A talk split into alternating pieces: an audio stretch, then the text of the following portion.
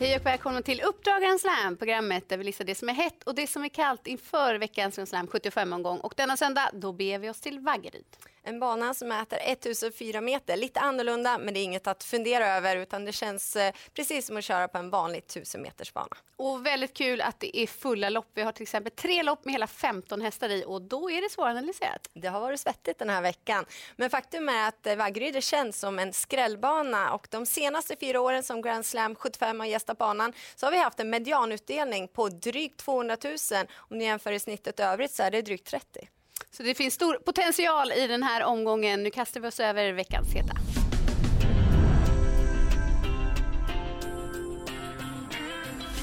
I den första avdelningen så hittar vi nummer tre, Giovanna Koger, som gjorde bort sig med galopp senast, men normalt sett så är hon travsäker. På de fem senaste starterna har det blivit tre segrar. Nu har hon ett perfekt läge bakom bilen, kan öppna bra och i mina ögon så är hon hästen i loppet. Även plus att Ulf Olsson förstärker sulken.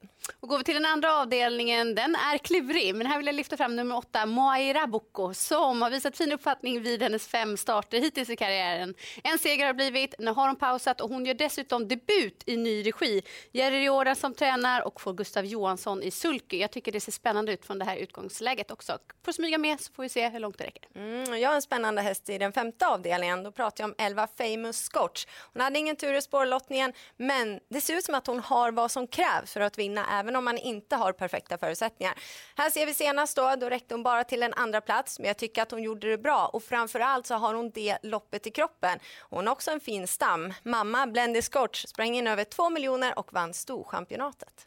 Och går vi till den sista avdelningen så tror jag en hel del på nummer 10 Aquarius Face. Han har en fruktansvärt tråkig programrad. Han har inte fått till det i år.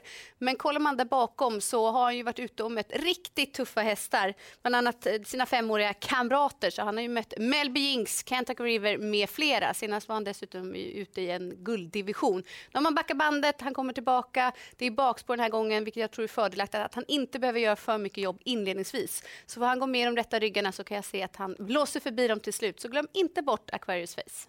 Nej, så har vi en het kvar då. Den hittar vi hos veckans profil, Kristoffer Eriksson. Som har fyra hästar till start på söndag och så här säger han själv om sina chanser.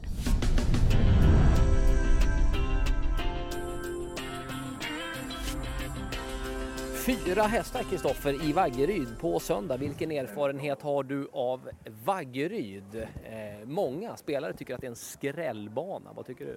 Ja, det är absolut. Det är en lite speciell bankropp. eh, Både hur banan är eh, utformad och sen eh, materialet. Det känns ju lite som att inte alla hästar passar 100% där. Ja, ja. Vad- Vad, är det för material då?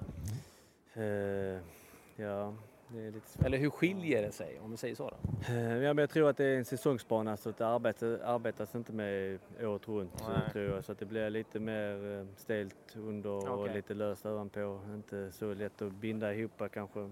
Det är min uppfattning, sen är jag ingen expert på det. Men lite Nej. svårt är det eh, på att säga vilka hästar som ska passa 100%.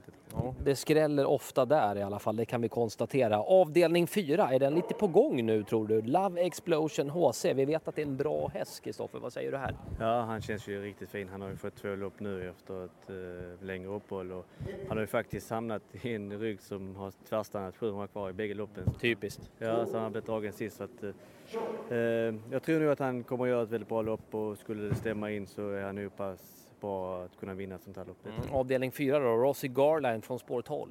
Ja, spåret drar ju ner förhoppningarna såklart. Men annars tycker jag att han har väldigt bra form. Han ju- gick ju ett väldigt bra lopp här i lördags i finalerna. Eh, han, han blev sjua men insatsen var minst lika bra som de har varit innan så formen är nu bra. Eh, kul. Manifest Boko nummer 3 avdelning 6, vad tror du där då? Eh, han tränar fint, eh, bra utgångsläge och skulle trivas om han skulle komma till ledningen.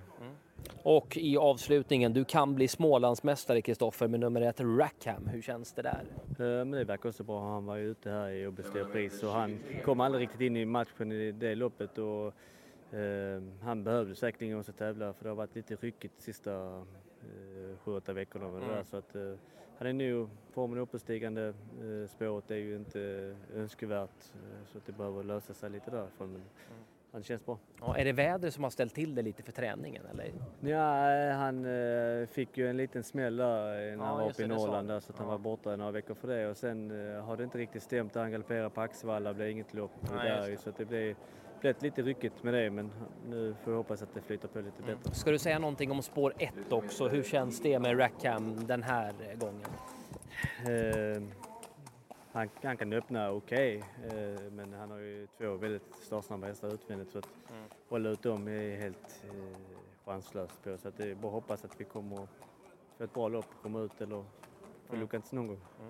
Lycka till i Vaggeryd. Bra information fick vi från Kristoffer Eriksson och vi ska lägga till där vid summeringen att bästa chansen är nummer tre Manifest Boko i den sjätte avdelningen. Otroligt bra information där i alla fall, för jag tycker den avdelningen är väldigt, väldigt svårlöst. Men jag är inne på att man får en bra start, kommer till ledningen och då är det ju faktiskt hästen att slå. Och med det sagt så går vi vidare i programmet. Här kommer veckans Kalla.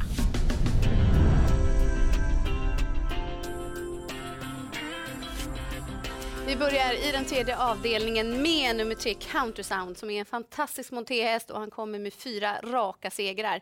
Men han är inte helt enkel. Det är lite vinna eller försvinna över honom. Och jag tycker det är värt att punktera till den här gången att det är voltstart, vilket är ett klart minus för hans del. Senast klarade han voltstart, men då var också Anna Eriksson själv på springspåret och kunde vrida och vända lite som hon ville själv i volten. Den här gången är de nio hästar i volten och då blir det tuffare.